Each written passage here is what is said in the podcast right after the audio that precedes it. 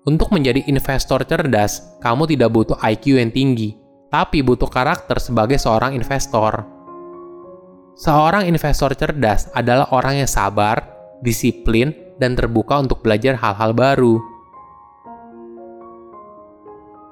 Halo semuanya, nama saya Michael. Selamat datang di channel saya, Sikutu Buku. Kali ini saya akan bahas buku The Intelligent Investor karya Benjamin Graham. Sebelum kita mulai, buat kalian yang mau support channel ini agar terus berkarya, caranya gampang banget. Kalian cukup klik subscribe dan nyalakan loncengnya. Dukungan kalian membantu banget supaya kita bisa rutin posting dan bersama-sama belajar di channel ini. Buku ini membahas soal investasi cerdas yang mengambil pendekatan jangka panjang dan menghindari resiko yang tinggi di pasar saham. Ternyata, strategi yang dijalankan oleh Graham berhasil. Walaupun ini merupakan buku klasik yang ditulis sejak tahun 1949, namun prinsip dari buku ini masih relevan hingga sekarang.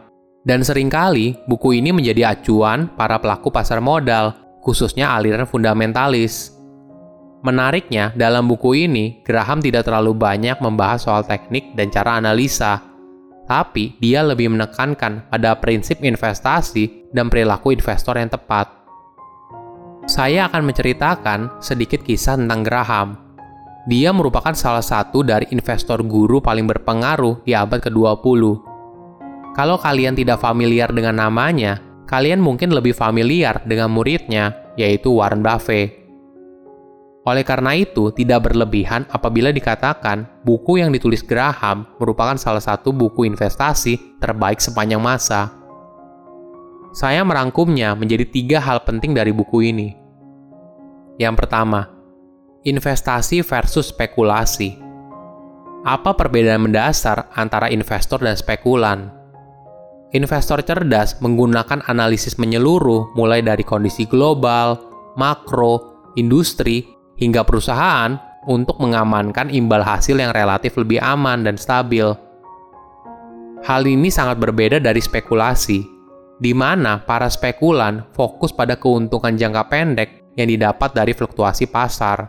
Hal ini sangat beresiko karena tidak ada yang bisa memprediksi masa depan. Untuk menjadi investor cerdas, kamu juga harus sabar, disiplin, dan terbuka untuk belajar hal-hal baru kamu harus mampu mengendalikan emosi dan berpikir untuk diri sendiri.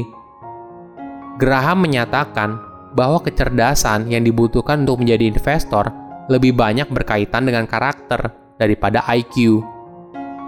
Ada bukti bahwa IQ dan pendidikan tinggi tidak cukup untuk membuat seseorang menjadi investor cerdas. Pada tahun 1998, LCTMLP, sebuah perusahaan pengelola aset gabungan, yang dijalankan oleh berbagai orang pintar seperti matematikawan, ilmuwan komputer, dan dua ekonom pemenang hadiah Nobel kehilangan lebih dari 2 miliar dolar dalam hitungan minggu.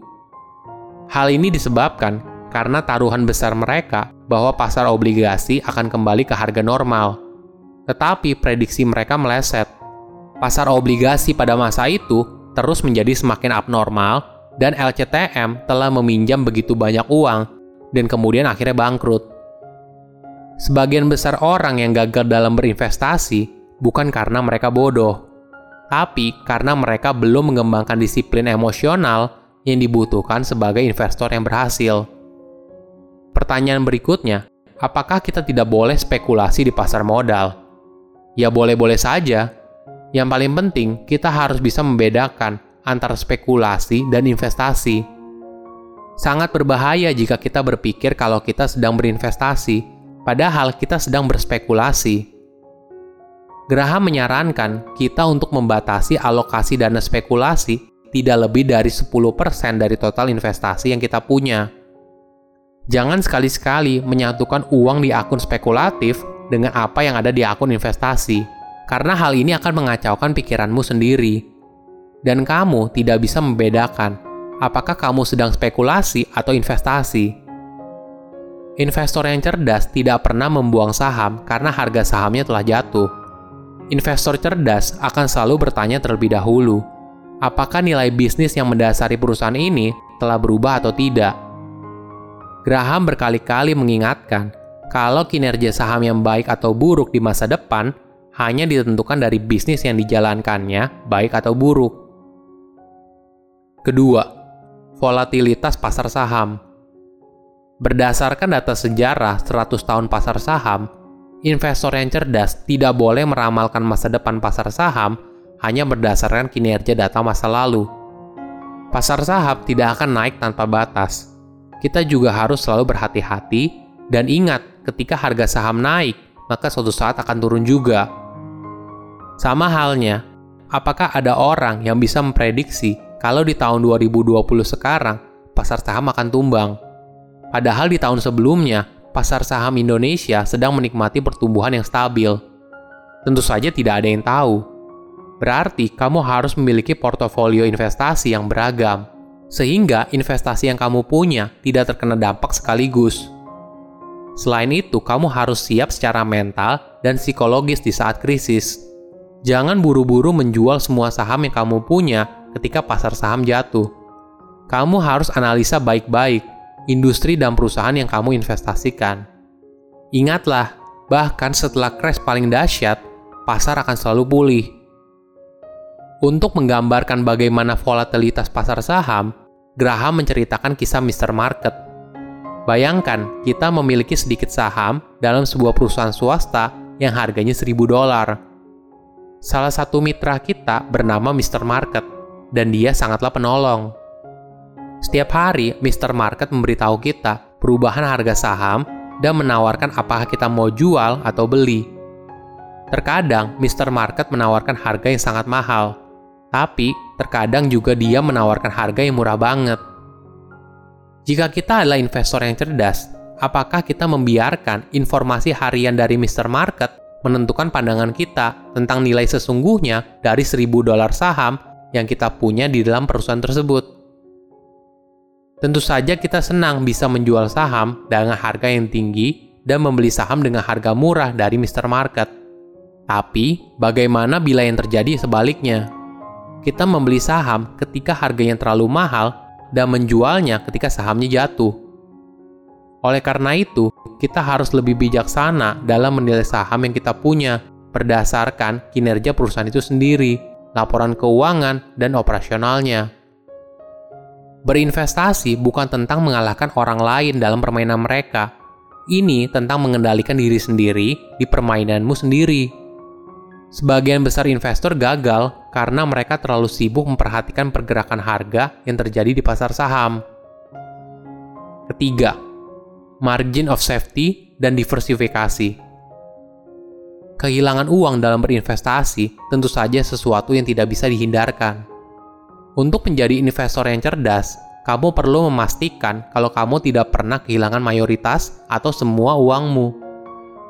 Oleh karena itu, Graham memperkenalkan konsep margin of safety. Jadi, margin of safety adalah perbedaan antara nilai intrinsik sebuah bisnis dan harga jual sahamnya.